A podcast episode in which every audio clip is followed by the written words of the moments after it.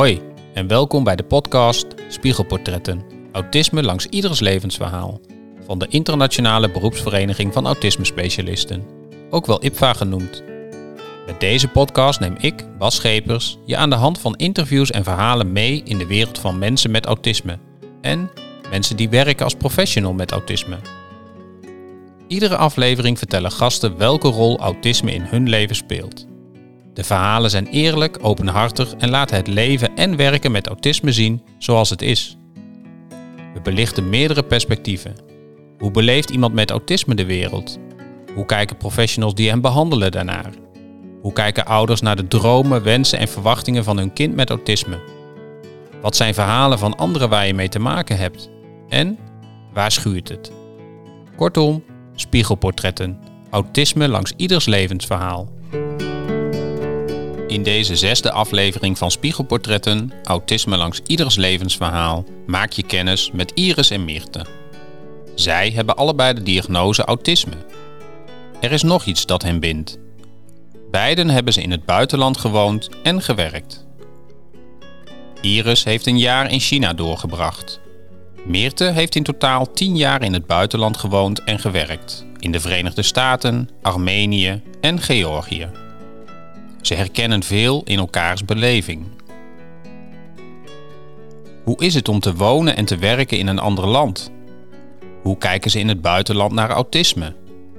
Wat is er anders dan in Nederland? Heeft het nadelen of zijn er juist voordelen aan het wonen in het buitenland met een diagnose autisme? Wat hebben Iris en Meerte geleerd van hun avonturen in het buitenland?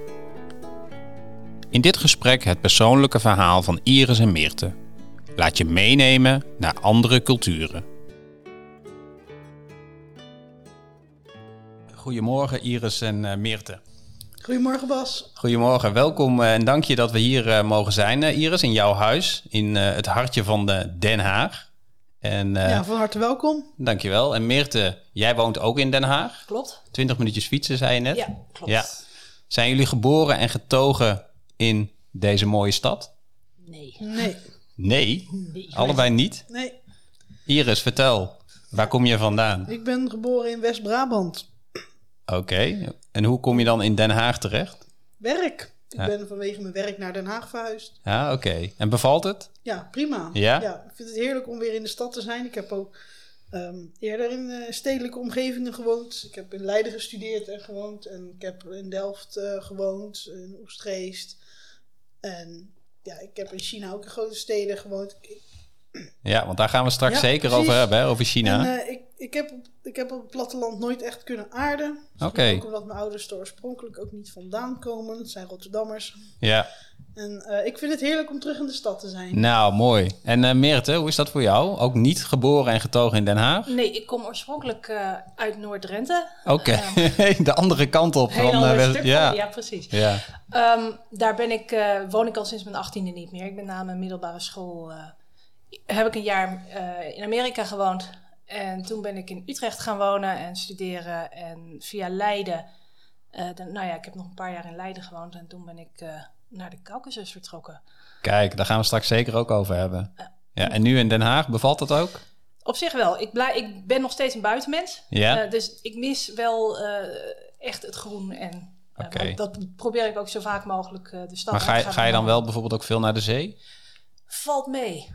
Um, ik ga eerder... ik, ik, ik wandel ze. Ik ben heel veel gaan wandelen. Ja. Lange afstanden wandelen ook toen ik terugkwam. Dus ik trek regelmatig... ga ik ook met de trein... Oh, oké. Okay. Ja. Ergens anders in Nederland om... Ja. ja. Zoek je het groen op, zeg maar. Ja. ja. Ah, oké. Wanneer hebben jullie elkaar leren kennen? Ik kijk even naar jou, Mirte. Kan je er wat over vertellen? Um, nou, dat zal wanneer een jaar geleden zijn, Iris? Ja, ik denk het wel, ja. Um, wij, uh, wij hadden alle twee uh, los van elkaar een oproepje gezien uh, voor een, een autistische leesclub. Ja. En daar werden wij alle twee lid van en daar zijn we nog steeds lid van. Mm -hmm. En toen bleek dat wij, dat, nou ja, toen was Iris naar Den Haag verhuisd. Dus toen dachten wij, wij gaan uh, thee drinken. Ah, ja, want, want dat is even, een, een, uh, even voor de luisteraar. We zitten hier uh, aan de grote tafel bij Iris thuis. Met een heerlijk kopje thee, moet ik zeggen. En we zijn allebei, Meert en ik, een beetje verbijsterd. Want Iris drinkt thee uit een mok waar ongeveer Nee, ik denk iets van 600 milliliter of zo. Is dat iets uit China of dat niet? nee, zeker niet. In China Oké. gebruiken ze juist hele bescheiden kopjes. Ja. Maar ik drink zoveel thee dat het voor mij mag makkelijker is om een grote mok eh, te Ja. gebruiken. Ja. ja. Hey, en Iris, Meerte zegt, jullie hebben elkaar leren kennen ook via een autistische Ja, leesclub. een- Wat moet, wat moet ik me daarbij voorstellen? Het is een leesclub ehm, voor, ja, voor mensen met autisme die graag zelf eh, zich willen verdiepen in, eh, in, in, het, onder, in, in, in het onderwerp. eh, Mhm. in, in de breedste zin van het woord. En die dus gezamenlijk boeken of artikelen lezen. Ehm, dat kan wetenschappelijk, filosofisch, meer. ehm, Maar speelt aut- verschillende invalshoeken over, over bepaalde aspecten van autisme of neurodiversiteit. En dat bespreken we dan met elkaar. Ah, Oké, ja, dat was mijn Dat vraag een, ook. Ja. eh, ehm, bijeenkomsten zijn altijd online en mensen wonen ook heel verspreid over het land. Maar Meert en ik waren de enige twee die in Den Haag woonden. En toen heb ik haar gewoon een keer bij mij thuis uitgenodigd. En dat Ja, was wat heel leuk. gezellig. ja, en er is dus iets wat jullie bindt. Want jullie hebben beide in het buitenland gewoond en eh, gewerkt. Ehm, ik begin bij jou, Meerte. Wanneer ben jij naar het buitenland gegaan? Eh, nou, ik heb wat ik net zei, ik heb na mijn eindexamen, eh, ik was krap 18, eh, heb ik een jaar in Amerika gestudeerd aan de universiteit in de staat Wisconsin. Ehm, dat, daarna ben ik eh, in Nederland weer gaan studeren en Je bent na dat jaar weer teruggekomen naar ja, Nederland. precies. dat was gewoon één los, een tussenjaar, zeg maar. Toen ben ik in Nederland gaan studeren. Dat jaar heeft wel heel veel gedaan voor de rest van mijn leven, zeg maar. Eh, want ik kon dat jaar aan die universiteit toevallig Russisch leren. En dat ben ik gaan doen. Ah. En dat was 92, 93. Dus de Sovjet-Unie was ook net eh, opgehouden te bestaan en zo. En er zaten ook Ja. best wel wat eh, studenten ehm, aan die universiteit die kwamen uit landen als Estland, Letland, Polen, Tsjechië. Dus daar, nou, dat vond ik hartstikke interessant. Ja, Dus ik kwam terug in Nederland en ik wilde daar meer mee doen. Dus ik ben Ruslandkunde, Oost-Europese studies gaan studeren. En dus ook verder gaan met dat Russisch. Ja, en uiteindelijk dus in de Caucasus terechtgekomen. Dus dat jaar in Amerika heeft wel invloed gehad ja, achteraf. ja, dat is een soort opstapje geweest naar Ja. verder. Want eh, vertel even door, want je bent natuurlijk niet alleen maar één jaar in de Verenigde Staten geweest. Nee.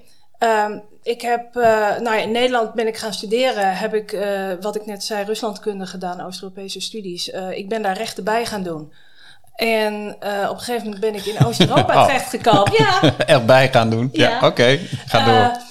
Een gegeven moment kwam ik in Oost-Europa terecht. ehm, vanwege mijn belangstelling, eerst als vrijwilliger. En ehm, ik kwam in Armenië terecht. eh, heb daar een zomer vrijwilligerswerk gedaan. Ehm, omdat ik al Russisch sprak, was het voor mij heel makkelijk om mensen te leren kennen. En om het land te leren kennen. Wat voor En- vrijwilligerswerk deed je daar dan? ik werkte in een klein stadje in Noord-Armenië, waar in 88 een, eh, een grote aardbeving is geweest. En dat heeft nog steeds eh, gevolgen voor mensen die voor een deel nog steeds in tijdelijk, wat, wat ooit bedoeld was als bijvoorbeeld als tijdelijke woningen, ehm, die wonen daar nog steeds in.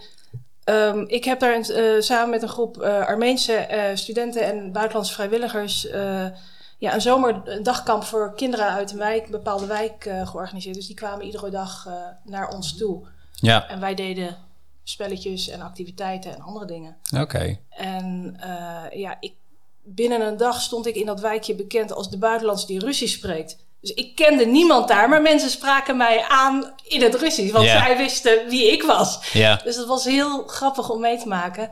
Ehm, maar daar, doordat ik Russisch sprak, kon ik dus veel makkelijker con- contact, contact maken met mensen. En bleef, Ja. ja. dus uiteindelijk bleef ik terugkomen ehm, eh, om bij die organisatie vrijwilligerswerk te doen. eh, tussen mijn studie door ook. En ook steeds langer. Ehm, drie maanden. Uiteindelijk steeds, bleef ik steeds drie maanden. Want dat was het maximum wat ik op een, toeristenvisum kon doen. ja, afgestudeerd en ik bleef toen een beetje hangen in ja, stomme uitzendbanen waar ik eigenlijk niet heel blij van werd. Dus dat was twee, drie maanden uitzendwerk doen en geld verdienen. En dan ging ik weer drie maanden naar Armenië. ja. Ehm, dat kon natuurlijk niet zo doorgaan. Dus op een gegeven moment had ik zoiets, ja, ik weet eigenlijk wel wat ik liever doe. En dat is daar naartoe. Daar naartoe. Ah, oké. Dus na een paar jaar had ik ook zelf het idee, ik ken het land goed genoeg, ik ken er genoeg mensen, ik heb er een netwerk, ik ga er gewoon heen. En lukt het, dan lukt het. Lukt het niet, dan verzin ik wat anders. Ja, Ehm, er is uiteindelijk dus iets gelukt, want ik ben zeven en een half jaar in Armenië gebleven. kijk. Oké, dan gaan we ze daar nog Ja. even op door. Dan maak ik even Ja. een, eh, een beweging naar de andere kant. En dan vraag ik ook aan Iris, want wat jullie binden is dat je allebei in het buitenland hebt gewoond en gewerkt. Dat klopt. Iris, vertel. Ik zat muurvast. Ik kwam nergens verder mee. Ik kwam niet verder in mijn werk, ik kwam niet verder in mijn ontwikkeling, ik kwam niet verder in mijn financiële situatie. Dat is ook ontzettend rot. Ehm, je komt op geen enkel levensgebied, in je woonsituatie niet, op geen enkel levensgebied boek je progressie. Ja. Dus ik moest uitbreken. Ik zat muurvast op alle ja. fronten. en Maar dat heb, je dat heb je gedaan. En dat heb ik vrij radicaal gedaan. Hoe oud was je toen, eh, Iris? Ik denk dat ik 26 was. Ik had een beetje vertraging opgelopen in, het laatste, in, in, de, in de scriptiefase. En op dat moment dat ik afstudeerde, zat, zat ik ook op het hoogtepunt van de. Ja, zat Nederland op het hoogtepunt van de financiële crisis. Dat hielp ook niet mee met het vinden van een baan. Eh, ik heb verschillende banen gehad. Ik heb in een callcenter gewerkt. Ik ben servicemonteur geweest. Eh, maar ik kon niks met mijn studie. Ik ben afgestudeerd als psychonoom. Dat, dat gaat over de onderliggende wetmatigheden van menselijk gedrag. Het is heel specifiek, heel specialistisch. En ik wilde ook heel graag verder in het onderzoek.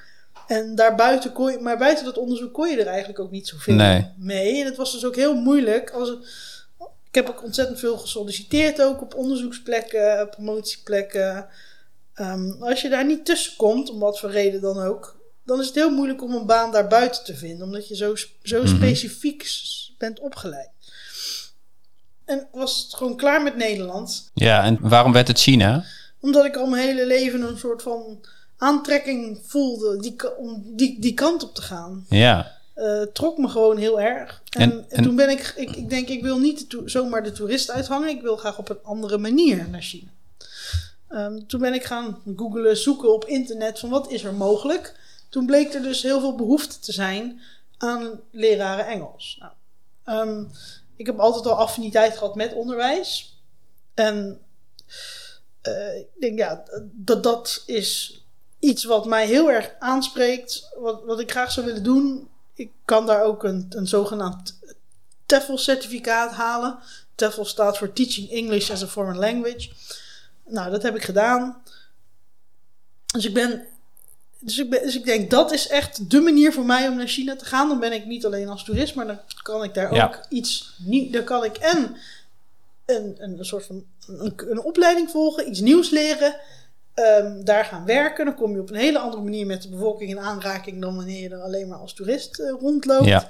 En dan kan ik er wonen. Dus dan heb ik dat Ja. is en een mogelijkheid om mezelf verder te ontwikkelen, iets nieuws te leren, een nieuwe ervaring op te doen. En ik ben eindelijk daar waar ik al mijn hele leven naartoe wil. Meerte, eh, aan jou even de vraag.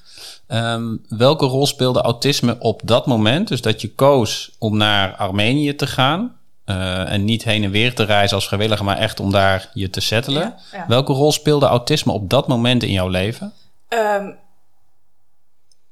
heel veel en heel weinig. Eh, ten eerste, ik wist nog niet dat ik autistisch was. Dus in die zin speelde het geen rol. Ja, Ehm, ik ben pas eh, tien jaar geleden gediagnosticeerd. Dus eigenlijk toen ik terug, op het moment dat ik terugkwam. Ehm, eh, maar wat Iris net vertelde over die eh, moeilijke overgang van studie naar werk, dat herken ik heel erg. ja, En daar speelt achteraf autisme wel heel erg een rol in. En ik denk misschien ook wel een beetje net als wat Iris.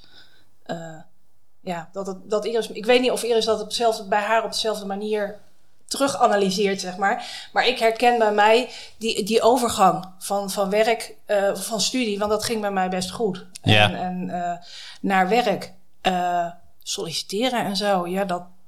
Ik, in theorie snapte ik het allemaal. Ik, ik kon me niet goed presenteren, denk ik. Ik denk dat ik ook heel weinig idee had van wat werken nou eigenlijk inhoudt. Een soort van. En, en wat is dan dat verschil tussen eh, studeren en studie, wat dan eh, goed gaat? En dat hoorde ik bij Iris ook hè, wel, dat, eh, want jullie hebben mooie studies Ja. gedaan. Wat is dan dat werken? Wat maakt dan dat dat voor jou in ieder geval lastiger was? Ehm, terugkijkend denk ik dat het heel erg zat ook in een.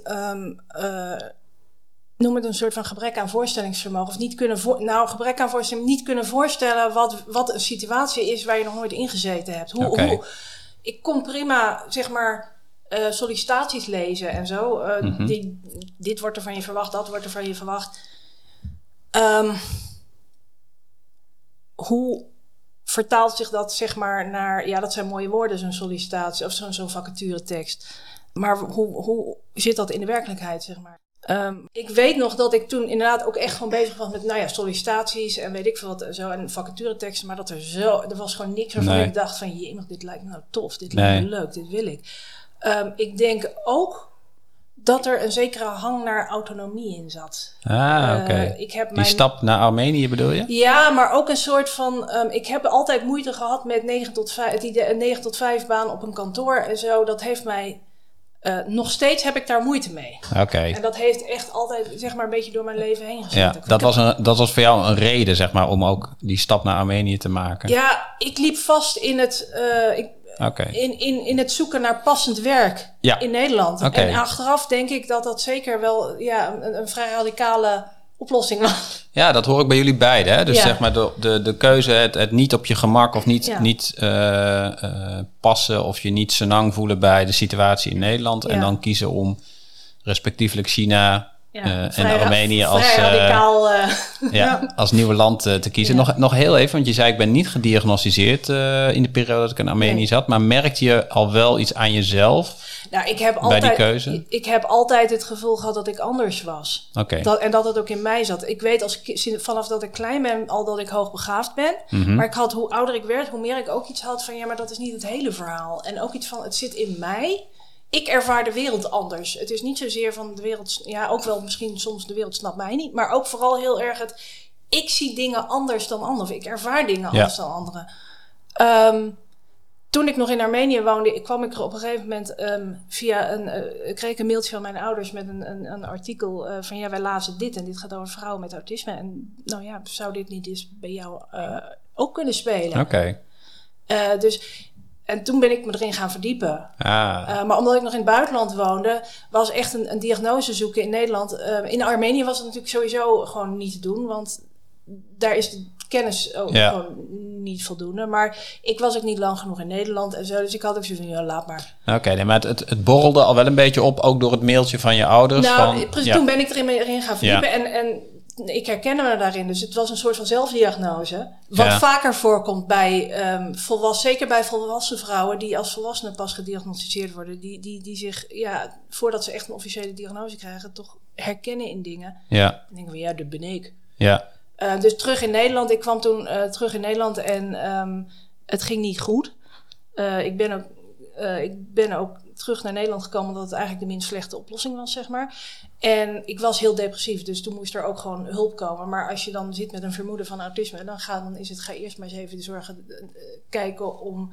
eh, ga eerst maar eens die autisme-diagnose uitzoeken, want eh, dan gaan we je daarna wel met die de- depressie helpen. ja. Dus ja, Ah, Oké. dus toen is er een diagnose aan, eh, is die diagnose gekomen eigenlijk. Ik ga even naar Iris, want ehm, hoe was dat bij jou? Jouw keuze om naar China te gaan? Welke rol speelde, dia- of, eh, sorry, welke rol speelde autisme toen in jouw leven? Mm, nou, die, die, die, die diagnose heeft die keuze niet zozeer beïnvloed. Eh, want ik had die plannen eigenlijk al voordat ik die diagnose kreeg. Eh, ik ben achter een diagnose aangegaan toen ik eh, bezig was met een, met een tweede studie. Ehm, en tijdens die studie liep ik tegen bepaalde dingen aan. Oké, want In- in- op welke leeftijd heb jij de diagnose autisme gekregen? Ik was.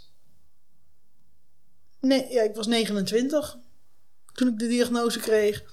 En ik ben daar zelf achteraan gegaan, omdat ik in die tweede studie weer tegen bepaalde zaken aanliep.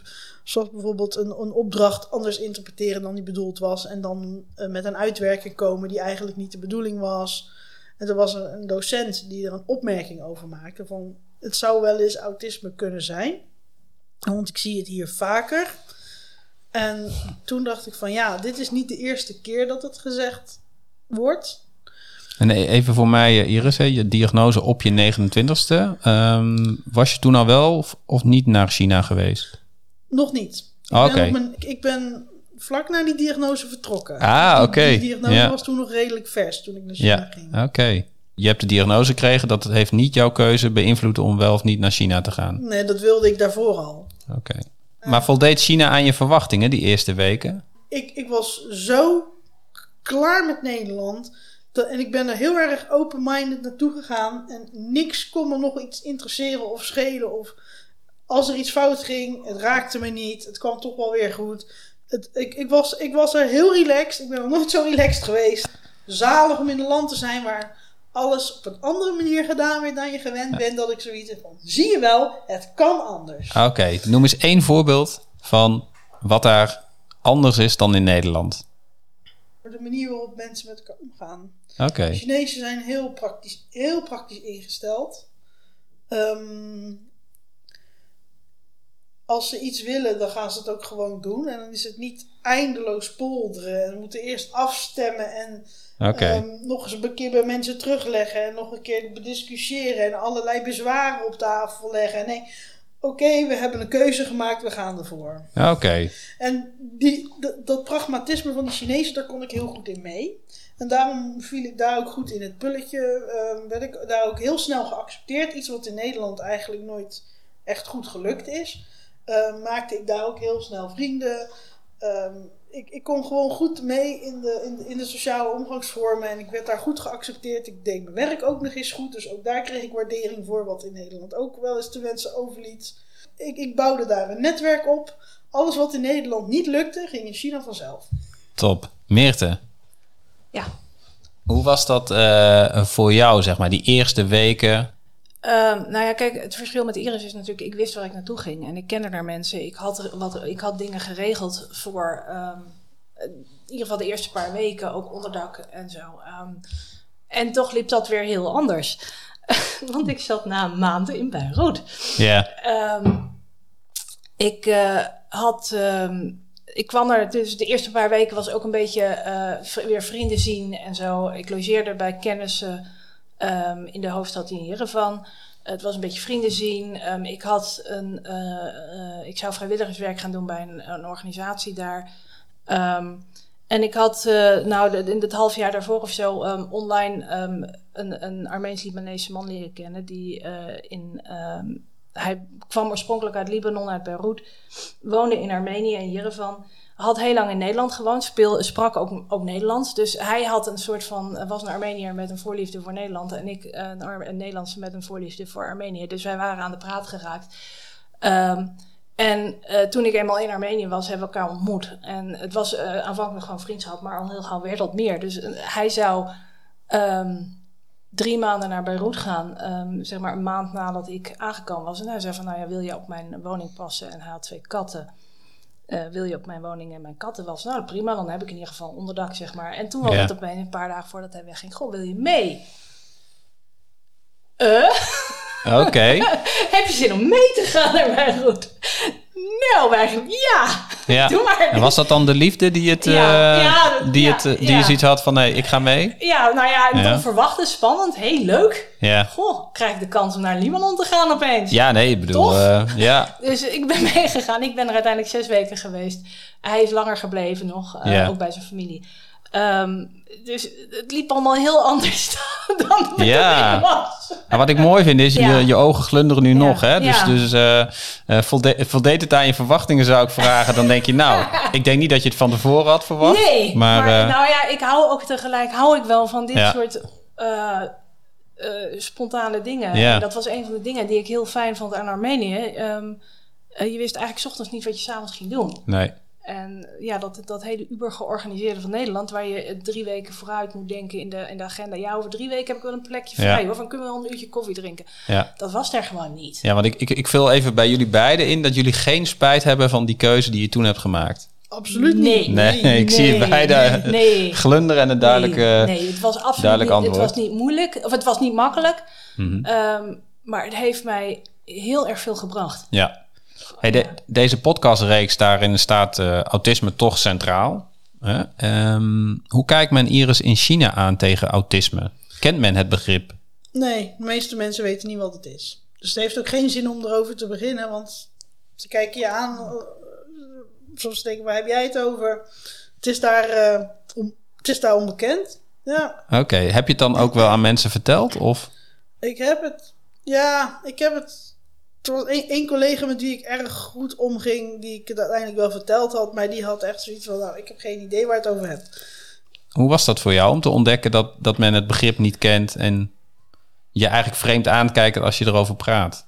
Nou, ik vond het eigenlijk wel, eh, wel prettig. Ja, ik had zoiets van, zo, dit is dus ehm, een andere cultuur waarin dit blijkbaar helemaal niet speelt. ja, En mijn anders zijn werd ook verklaard door het feit dat ik uit een ander land kwam. Ja, Oh ja, die komt uit een ander land, spreekt een andere taal, die komt uit een andere cultuur. Heel herkenbaar. Ja. En, dat, en, dat is de, en daarom is ze anders. ja. Verandert het ook wat bij jezelf? Dat je eh, merkt dat mensen niet naar jou kijken... of dat jij het idee hebt van ze kijken naar mij met iemand, iemand met autisme? Ik had het idee dat. ehm, ik kon wel heel goed mee in de Chinese mentaliteit.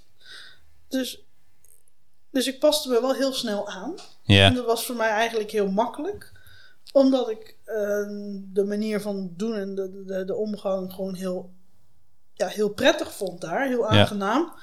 Eh, zoals ik al eerder aangaf, ze zijn heel pragmatisch. Eh, als ze iets doen, als ze er iets willen, dan gaan ze het er ook gewoon voor. En is het ook binnen de kortste keren gerealiseerd. Eh, en ze zijn in, in Nederland wordt er altijd heel veel aandacht besteed aan de beleving en de emotie en hoe men, ehm, wat, wat mensen ergens van vinden. In China staat dat wat minder op de voorgrond en kijken ze, ne- ne- nemen ze hun beslissingen, zoals ik het heb ervaren, veel, veel rationeler. ja, Eh, ik, ik, kon, ik kon daar goed in mee. En ik, ik denk dat je daardoor als autist, die vaak ook wat rechtlijniger denkt en ehm, eh, ook vaak beslissingen neemt op basis van eh, zoveel mogelijk feitelijke informatie en dan eh, tot een bepaalde keuze komt, dat gewoon die cultuur van nature autismevriendelijker is. oké. En, en eh, Meerte, hoe kijk je daaraan? Hoe, hoe kijkt men in Armenië en de andere landen waar je bent geweest aan tegen autisme? Ehm, Kennen ze het daar? wat ze kennen is denk ik inderdaad de variant van autisme waar mensen gewoon niet, niet kunnen meekomen in, in, de, eh, in, in de maatschappij. En eh, het ook een soort van psychische aandoening. En dat uit de Sovjet-tijd is nog een beetje over van ja, men- mensen met een psychische aandoening stop je weg in een, eh, in een tehuis. Oké, en heb je dat ook meegemaakt, Nee, gezien? nee, nee. Nee, niet zelf bedoel ik, maar eh, om je heen gezien. Nee, nou moet ik ook natuurlijk zeggen, toen ik er woonde, ehm, was ik nog niet, eh, ik wist nog niet dat, dat ik autistisch was. Dat kwam pas op het eind. Dus ik ben daar ook niet op, ik was daar ook niet op getuned, zeg maar. Ik. Het had ook niet speciaal belang, mijn belangstelling. Ik ben wel in, veel in ziekenhuizen geweest, Ja. grote, gewone ziekenhuizen voor werk wat ik deed, maar nee, psychische, eh, psychiatrische inrichtingen of zo niet. Wat je in Armenië veel meer ziet, is dat er eh, je, familie en, en zeg maar. ehm, de, bijvoorbeeld in Jerevan, de mensen in, op, op de, eh, in de flats om het, op het pleintje waar je bent opgegroeid en zo, daar hou je veel meer contact mee. En dat is een veel meer een, een gemeenschap. Ja, en ik denk dat dat ook mee veel meer een soort van steunstructuur is is. Voor mensen die misschien anders zijn. Precies, Ja, precies. En, en in Iris is jouw eh, het denken over je eigen diagnose en eh, misschien het denken over jezelf veranderd door jouw ervaring in China? Ja, het heeft eh, me wel geholpen om, om de diagnose te relativeren. Oké, en was dat nodig? Ik denk dat het eh, ja, niet, niet alleen relativeren, maar ook beter in perspectief plaatsen. Dat je ook ziet hoe cultuur bepaalt de interpretatie van gedrag is. En autisme is natuurlijk een gedragsdiagnose. Oké, oké. En hoe, hoe is dat eh, voor jou, eh Meerte? Hoe is wat voor mij? Mijn vraag aan haar was van, ehm, heeft het jou, eh, jouw avontuur in Armenië, heeft dat ook eh, invloed gehad op hoe jij naar jezelf kijkt? En je hebt nu ook de diagnose autisme. Ja. Ja, kan je daar iets over vertellen? Ehm, toen ik in, ehm, in, in Nederland woonde ik, eh, heb ik me altijd een beetje, eh, ik had altijd het gevoel gehad, ja, ik ben, ik ben anders, wat ik net zei. En ik zweefde overal een beetje tussen, tussendoor. En wat Iris net zei, dat herken ik heel erg over, ja, je bent daar gewoon anders. Ik zie er anders uit. Ik loop anders. Ik kleed me anders. Ik praat anders, weet je. Ik hoef niks te doen en ik ben al anders. Dus Ja. het gedrag wat, eh, ehm, wat misschien afwijkt, eh, dat wordt geschaard onder je bent buitenlander. Je bent niet van hier. Nee. Dus dat geeft zo waanzinnig veel rust, gaf mij dat. Oké. Ook gewoon heel Ja. veel intern Ja, Ja. herken je dat, Ja, Iris? dat is Ja. heel erg her- herkenbaar. Ja. Ja. Oké. Dat gaf mij waanzinnig veel anders rust, zijn ja. wordt geattribueerd aan je afkomst en je cultuur en niet aan een of andere labeltje uit een boek. Ja. En dat, dat gaf bij jou ook rust? Ja, zeker. Ja, oké. Ja, dus het gaf mij, ehm, het gaf mij ook een soort van zelf, ja, rust, eh, een soort van zelfvertrouwen, denk ik.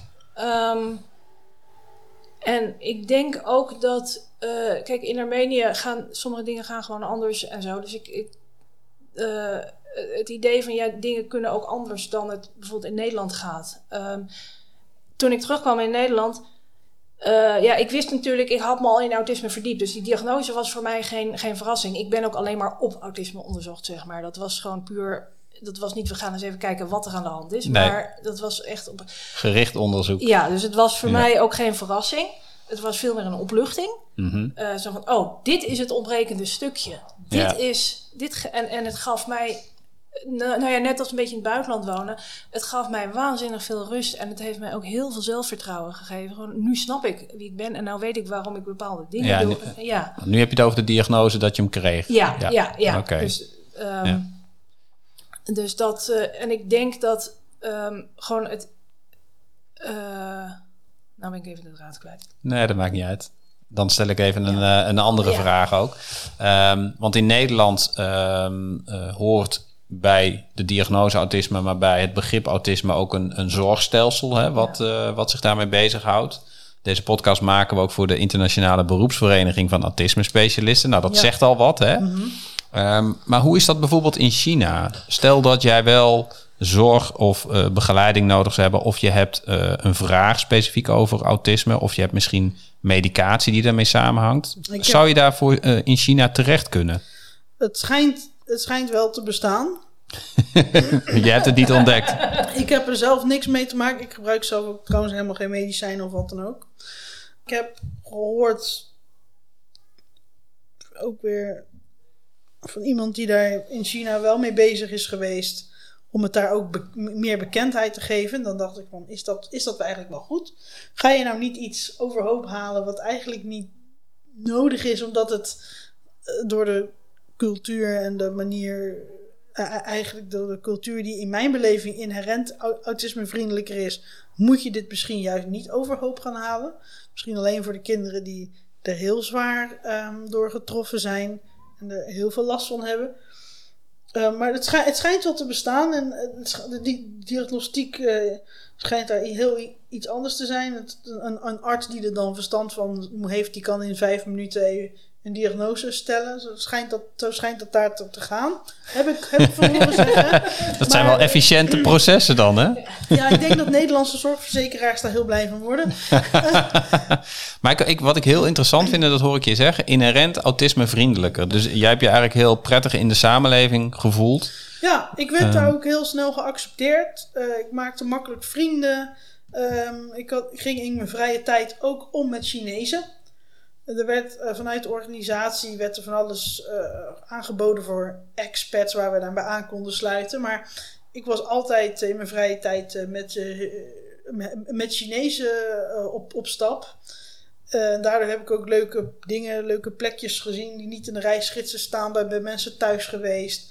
Heb je een heel andere ervaring dan wanneer je alleen maar met die expats rondhangt. Ja, dus ik, ik, had, ik, ik, was, ik was gewoon druk met mijn, met mijn leven daar. En eh, m- mijn sociale contacten, dat waren veel Chinezen. ja. Ik had natuurlijk ook wel internationale collega's met wie ik het ook wel goed kon vinden.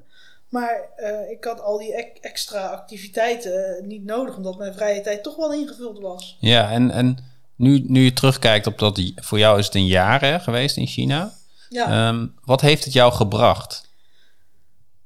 Toen ik terugkwam in Nederland, ben ik gaan nadenken over al die dingen die in China vanzelf gingen en in Nederland niet lukten.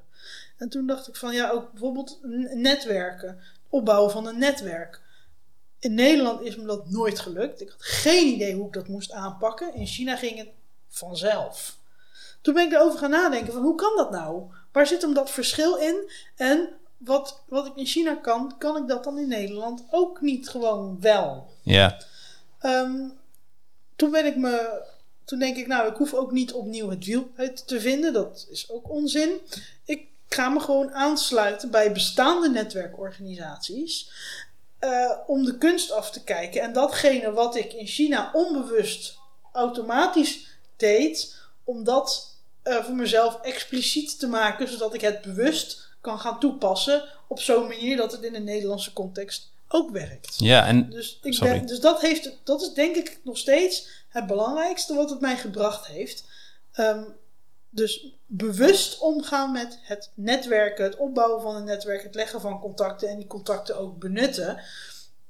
Dat heb ik op verschillende manieren, heb, heb ik mezelf daarin ondergedompeld. En dat heeft me uiteindelijk enorm verder gebracht op eigenlijk alle levensgebieden. ja, want je bent naar China gegaan ook omdat je het in Nederlands zat was, hè, die eigen woorden. Ja, Hoe is dat nu? ja, nu heb ik, heb ik mijn leven beter op de rit. Ik heb een, een vaste baan.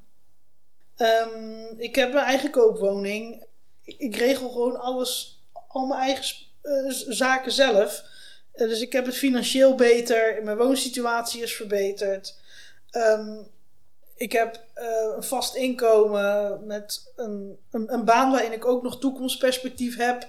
En je hebt volgens mij een leuk netwerk om je heen. Ik heb, eh, ik, heb een, ik heb een flink netwerk opgebouwd. Eh, een leuk netwerk ook. Ik zit eigenlijk in verschillende netwerken nu. Ja, Die dan soms ook weer bij elkaar komen op sommige punten. Wat ook wel interessant is. Ik, dus het gaat nu een stuk beter. Dus nu, nu ik al die zaken op de rit heb, kan ik ook weer beter functioneren in deze maatschappij. En want, zo, want ja, ik zeg altijd maar, pa- participeren zonder poen is niet te doen. hey, het, het-. Oké. Participeren zonder poen is niet te doen. En Mirte, wat, wat heeft het eh, verblijf eh, in Armenië en eh, Georgië, heb je ook nog even gezeten, Ja, geloof ik. ja, hè? Wat klopt. heeft het jou gebracht als je daar nu op terugkijkt? Ehm, ik ben er enorm gegroeid als mens. Ik heb er heel veel dingen meegemaakt. Ehm, ik, ik heb geleerd dat als er, eh, ik heb, als er linksom geen oplossing is, dan is er rechtsom een oplossing. Dan komt het wel, het komt wel goed. Ik heb ehm, ook ontdekt hoe ontzettend leuk ik. eh, en dat is een beetje eh, achteraf.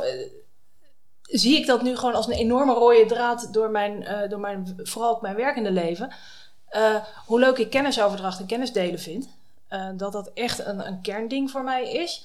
Eh, en dat het terugkomt op heel veel verschillende manieren. Ik heb in, ook in de Caucasus ontzettend veel leuke mensen ontmoet. En daardoor ook leuke dingen gedaan. Ik heb eigenlijk vanaf toen ik er begon, ben ik gaan bloggen. In het Engels. En ik was toen een van de weinige niet-Armeense, niet-etnisch Armeense eh, mensen die vanuit Armenië blogden. En dat heeft mij ontzettend veel leuke contacten ook gemaakt. Dus ah, ja, oké. Hey, wat, ehm, eh, was er iets wat je, wat je moeilijk vond in China, Iris? Nou, eigenlijk niet. Nee, ja, wat, wat leuk om te horen. Het is echt, eh, als ik de, de overgang en de keuze die je hebt gemaakt, het straalt dan alles af dat je daar heel erg blij het, mee moeilijkste, bent. Het moeilijkste was teruggaan naar Nederland. Oké. Ik echt geen zin in. Neem ons eens even mee in Ja. dat moment. Oh, dat, ja. dat je. heel dat je ja, ik hoor. maar dan ben ik wel even benieuwd naar Iris. Hoe ging dat toen? Hoe, zou- hoe kan ik de Iris me dan voor me zien? Ja, nou. Het, het, het, het, was niet, het zat niet ver van paniek af, denk ik. Oké. Het was, ehm, ik, ik, ik, ik, weet- ik, ik moest terug naar dat zwarte gat. Ja. Ik wist helemaal niet hoe ik daarmee moest gaan dealen. Ah, Oké. Was er een mogelijkheid om te blijven, eventueel? Nee, ik heb het wel geprobeerd, maar ik kreeg mijn visum niet meer verlengd. Ah, Oké. Ja. Ja. En dat zwarte gat, dat is niet waarheid geworden, toch? Nu, als ik nu hier zo bij je ben. Nee, nee, nee. En we zitten hier in jouw, eh, vind ik, prachtige woning, eh, mooie huiskamer, midden in Den Haag. Dat horen misschien de luisteraars op de achtergrond heel zachtjes, eh, dat we midden in de woonwijk zitten op zaterdag. Maar ja, het is hier, ik, ik vind het prachtig. Dus Ja, het is een hele mooie wijk. Het, zijn, ah, het is een typisch Haagse woning. Het is een eh, zogenaamd dubbel bovenhuis, een portiekwoning.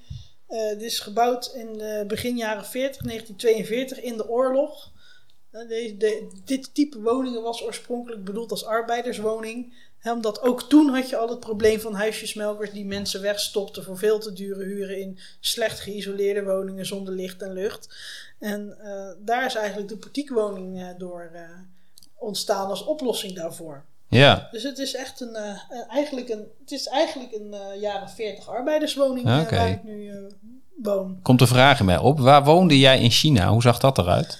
Ik heb, nou dat is een leuke vraag. Ik heb de eerste, de eerste maand woonde ik in, in, in, in, in Peking, de hoofdstad. Ehm, daar woonde ik op de campus van de Beijing Union University. Dat was gewoon ja, een soort studentenkamerachtig gebeuren. En dat, dat moest je dan ook nog delen, want in China hebben ze een heel ander concept van privacy dan wij. Ehm, dus dat, dat, dat was de eerste maand. En, daar heb ik dan ook het theoretische deel van de TEFL-opleiding eh, gevolgd. Daarna ben ik gaan stage lopen in Chengdu. En Dat is een provincie in het, ja, eh, meer richting het zuiden. Eh, Chengdu is de hoofdstad van de provincie Sichuan.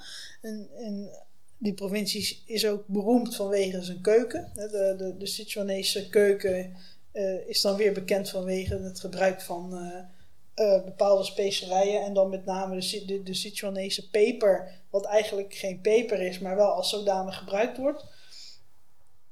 Ehm, die een soort prikkelend, die een heel aangenaam prikkelend gevoel op je tong eh, geeft. dat is, ik weet niet of ik het ga. echt fantastisch. Ja, nee, ik weet niet of ik die gok neem. Nee, nee, echt. Dat klinkt echt heel raar. Wat zou jij, eh Meerte, zou jij erop gokken, peper? Het is, Ehm, nou ja, ik, ik hou wel van, van, van een beetje pittig, maar er is ook zoiets als te pittig. Ja, nee, daarom. Ja, Maar het- goed, je maar je het woonde... ook, eh, Ja, sorry. Bij, bij de Amazing Oriental is het ook verkrijgbaar onder de naam Prickly Ash. Oké. Het is, ehm, ja, het is echt fantastisch lekker. Alleen, het ik zal het nooit zo goed kunnen klaarmaken als, eh, als de mensen in eh Sichuan. Daar heb ik toen eh, 4,5 maand stage gelopen op de, de, de Sindhu Number One Middle School. En daar woonde ik eh, op de campus van de school, want dat is in China vrij normaal. ja. Ook als medewerker Dus slash stage, als- dat zowel de leerlingen als, de, als, als het personeel gewoon op de campus wonen. Ah, oké. En Meerte, nou, En, dan... Oh, sorry, Eh, dat, Iris. dat, dat is, en ik heb daarna nog een tijdje op een privéschool gewerkt in het zuiden van China en daar had ik een appartement. Ah, oké. Ja. En Meerte, hoe, wa- hoe was de woonsituatie van jou? Nou, die, eh, die vriend met wie ik naar Beirut ging, ik ben daar gelijk maar bij ingetrokken na, toen wij terugkwamen in, Nederland, of in Armenië, want dan was mijn eh, woonsituatie opgelost. oké. Ehm, dus we hebben alles eh, andersom gedaan, zeg maar. Wij zijn gelijk samen op reis gegaan en ik ben bij hem ingegaan. Ehm, dat was ingewikkeld, ehm, want hij woonde vrij klein en we hadden een heel erg tegenovergesteld dag- en nachtritme. En eh, ik merkte achteraf, nu begrijp ik dat ik gewoon chronisch overprikkeld was daar. Ook door, de, door, en door steeds te, heel eh, dicht bij elkaar zijn en weet ik wat. Dus we hadden een ingewikkelde relatie. Ehm, eh, Je raakte overprikkeld door de kleine woonsituatie precies. samen met iemand anders. Ja. ja, te weinig tijd voor mezelf. Al, eh, hij, was, eh, hij leefde, had een ander dag- en nachtritme ook. Of, of werkte s'avonds tot s'avonds laat vaak Ja. en zo. En ja, dus dat, dat zorgde... Ik werd daar niet blij van. Nu denk ik, nu, nu begrijp ik... Oh, ik was chronisch overprikkeld. Ehm, dus op een gegeven moment ben ik eruit getrokken. Omdat, nou ja, anders dan was, het, was de relatie gewoon op weg. Zeg kapot. Ehm, toen heb ik een tijd eh, samen met een, ehm eh, een, een Oekraïnse-Armeense eh, een, een flat gedeeld. Ehm, wel wat meer ruimte, maar eigenlijk ook nog niet. Ja. ja, goed. En uiteindelijk vrij spontaan, een vrij, weer een spontane actie van mij, heb ik een huis gekocht daarvan, een, een, een flat gekocht in Armenië. Oké. Die, eh, waar ik uiteindelijk eh, de laatste eh, vijf, zes jaar eh, gewoond heb. Ah. Met heel veel plezier. Dat was een Ja. super fijn. En daar woonde je alleen. Daar woonde ik alleen. Ja. Meerte, hoe was het voor jou om weer terug te gaan naar Nederland vanuit het buitenland? Dat was ingewikkeld. Ehm, Want? ik kwam in een. ik ging niet terug omdat ik zo graag terug naar Nederland wilde. Ehm, ik was van Armenië ehm, verhuisd naar Georgië. Eh, daar zat ik al een tijd mee te spelen. Toen is in Armenië mijn ehm, ex-vriend, die nog steeds mijn beste vriend was, is overleden. En is dat voor mij Meerte de vriend waar je ook even Ja. mee samen hebt gewoond? Ja, die, Ja. ja. precies, die Libanese Armeense jongen. Dus ik zat met. Ja, rouw. Ik was al voor hij overleed, was ik al ermee bezig. Ik wil eigenlijk misschien wel naar Georgië, want ik loop vast qua werk in Armenië. Mhm. Eh, dus dat speelde al wel. Eh, en dan is Georgië interessanter, omdat dat het centrum van de regio is, zeg maar. Ja, Ehm, van de Caucasus. ja, van de Caucasus. Eh, dus ik naar Georgië, uiteindelijk na zijn overlijden gedaan. Dus ik zat met dat overlijden. Ehm, in Georgië kwam ik opeens weer in een hele andere omgeving terecht. Ik wist, ik kende Georgië, ik kende er ook mensen. Ik was eerder er geweest en ik had er vrienden en zo. Dus ik wist waar ik naartoe ging. Ehm, maar ik liep vast. Eh, ook in het netwerken en, en eh, structureel eh, inkomen vinden en werk vinden en zo. Dus op een gegeven moment was de, na anderhalf jaar was eigenlijk de minst slechte oplossing, was terug naar Nederland. Ja, Maar ik had daar niks. Dus ik kwam echt in een zwart gat terecht. oké. neem ons heel even mee naar... Je komt op Schiphol aan, neem ik aan. Ja, En dan? godzijdank had ik ehm, via een van mijn... eh, ik heb in, in Armenië een Nederlands les gegeven. Een van mijn oud-leerlingen woonde intussen in Den Haag. Ging twee weken op vakantie. Ik mocht in haar eh, woning. Daarna kon ik terecht in de woning van een oud studiegenoot van mij in, eh, in Rotterdam. In Rotterdam Overschie. Een flat aan de snelweg, zeven hoog aan de snelweg. Ik was er doodongelukkig. Ik was hartstikke dankbaar dat ik er terecht kon, maar ik werd er heel ongelukkig. Dus ik had al niks. Ik had geen. Ik moest mijn sociaal leven opbouwen. Ik had geen werk. Eh, ik wilde eigenlijk helemaal niet in Nederland zijn. En dan zat ik ook nog op een plek waar ik doodongelukkig werd. Ja. Dus die eerste, ja, ik, ik was heel depressief. Die eerste half jaar, eerst zeker het eerste half jaar was ik echt zwaar depressief. Ja. Toen is het me eh, een klein stukje bij beetje gelukt om leuk vrijwilligerswerk in Den Haag te vinden. Mijn idee was sowieso, ik wil naar Den Haag, want Daar gebeurt het. nou ja, ik, ik, moet, ik moet ergens wonen. En. Den Haag is met een internationale achtergrond het Ja. leukst, het interessantst. Ehm, ik had dan te- na, na, een half, na een half jaar had ik ongeveer had ik vrijwilligerswerk in Den Haag gevonden. Toen had, had ik er ook een woning gevonden. En daarna ging het eigenlijk heel snel een stuk beter. Ook omdat ik uit die l- eh, rumoerige snelwegomgeving eh, weg was. En gewoon een prettiger woning had. En ja. Eh, maar het duurde nog steeds. Het heeft een paar jaar geduurd echt voordat ik Ja. echt weer op gang kwam. Maar Ja. zeker die, dat eerste half jaar was niet leuk. Nee, en toch, en dat hoor ik, hoor ik ook in het verhaal van Iris.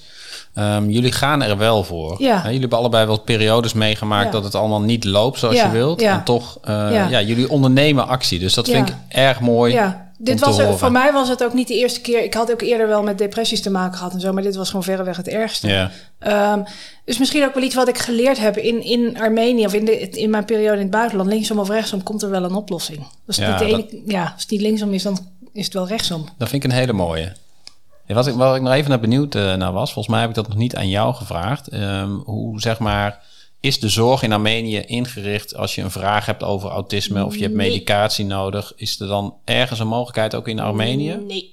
Oké, Dat wil zeggen, ik, iets als antidepressiva vermoed ik dat je wel aan kunt komen. ja, Ehm, maar echt autisme specifiek, ik vraag Nee. het me af. nee.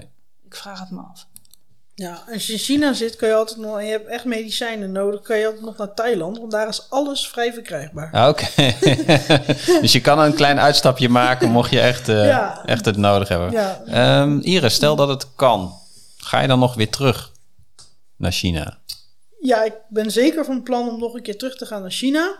Ik weet alleen nog niet wanneer en in welke hoedanigheid en hoe ik dat precies ga doen, maar ik ga zeker nog wel een keer eh, terug. Oké, en wil je dan ook, eh, want het, wa- daar was je in het begin van, eh, van je verhaal heel duidelijk in, hè? Van ik, ik ben daar niet als toerist toen heen gegaan. Ik had echt een, een rol ook als, hè, ik leverde mijn bijdrage. Zou je dat dan nu weer willen doen op die manier? Mm, nou, ik denk het niet, omdat ik nou gewoon mijn baan heb in Nederland en hier dus wel dingen, mm, zaken die mij hier ook binden en die ook gewoon aangenaam zijn en, en, en die, ook, die, die je ook nodig hebt om, om, Mhm. om iets op te bouwen. Ehm, dus ik denk dat ik dat niet, eh, dat zou ik nou niet meer doen. Ik zou, ik zou dan meer een, een rondreis willen maken bijvoorbeeld. Ja, oké. En dus, weer, weer andere delen van China gaan zien waar ik nog niet geweest ben. Of juist eh, nog eens een plek eh, bezoeken waar ik wel geweest ben om weer eens Ja. herinneringen op te halen. ja, want die zijn heel positief, hè? Dat men, Ja, zeker. Ja, ja, leuk. Ja. Meerte, voor jou, ga jij nog weer terug? Ik ben al een paar keer terug geweest. Ehm, ik, heb, ik heb ook gewoon heel veel vrienden zitten. Ehm, wat eh, ehm, eh, Iris ook vertelde, eh, dat zij veel met mensen, eh, met Chinezen omging. eh gold voor mij zeker in, in Georgië minder, maar in eh, Armenië zeker wel. Mijn vrienden waren mensen van daar. Of eh diaspora-Armeniërs die, zoals mijn vriend, eh, die oorspronkelijk ergens vandaan, anders vandaan kwamen, maar in, in Yerevan zijn gaan wonen of in Armenië zijn Ja. gaan wonen. Dus ehm, eh, ik heb er ook nog steeds vrienden. Ehm, ik ben een paar keer terug geweest. Ehm, de laatste keer is het, was 2017, denk ik. Ik wilde eigenlijk eh 2000, zomer van 2020 terug, maar goed, ja, bam. We weten allemaal dat dat, Ja. dat, dat niet zo goed ging. Ja. Ja. Dus, ja, dus ik, ik wil terug, maar ik moet kijken wanneer. Hey, wat, kunnen wij leren als het gaat om autisme van China en Armenië? Meerte, begin bij jou. Dat weet ik niet. Nee? Serieus, nee. Gewoon Ook omdat eh, autisme zelfs daar gewoon... eh, De kennis over autisme is natuurlijk veel beperkter dan die hier is. En veel eh ehm, ouderwetser, Ja, zeg maar. oké. Dus in die zin is dat gewoon... Ja, vind ik dat heel moeilijk om, te, om, om, om een antwoord op te geven. Nou, dit is, dit is ook een antwoord. Het is helemaal niet erg. Ik En heb- eh, Iris, hoe is dat voor jou?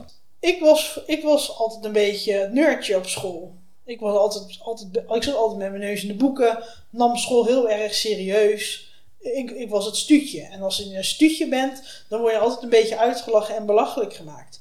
In China worden dat soort kinderen de hemel ingeprezen en juist als goed voorbeeld naar voren geschoven van zo moet het. Ja, Omdat studeren en leren en onderwijs is daar super belangrijk, heeft daar een veel hogere status. Leraren hebben daar ook nog echt maatschappelijk aanzien. Dat is in Nederland ook al lang niet meer zo.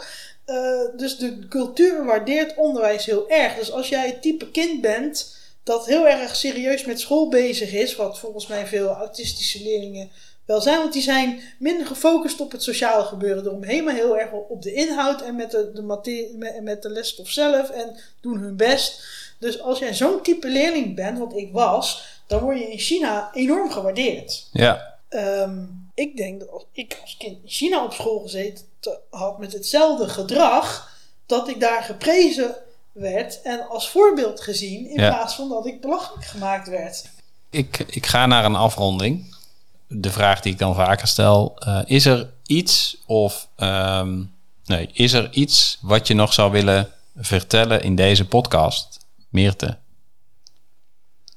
Of zeg je: ik heb alles wel gezegd wat ik wilde zeggen? Nee, ik zou het even niet weten. Ja, we hebben het vooral over mijn tijd in Armenië gehad en niet minder in die in Georgië. Maar eh, Ja, ja, Oké, zou je daar nog wat over willen vertellen? ja, dat wordt een heel ander verhaal, want dat is minder... eh, Oké, dan moeten we nog een andere aflevering maken. Moeten we een andere aflevering maken. Oké. Iris?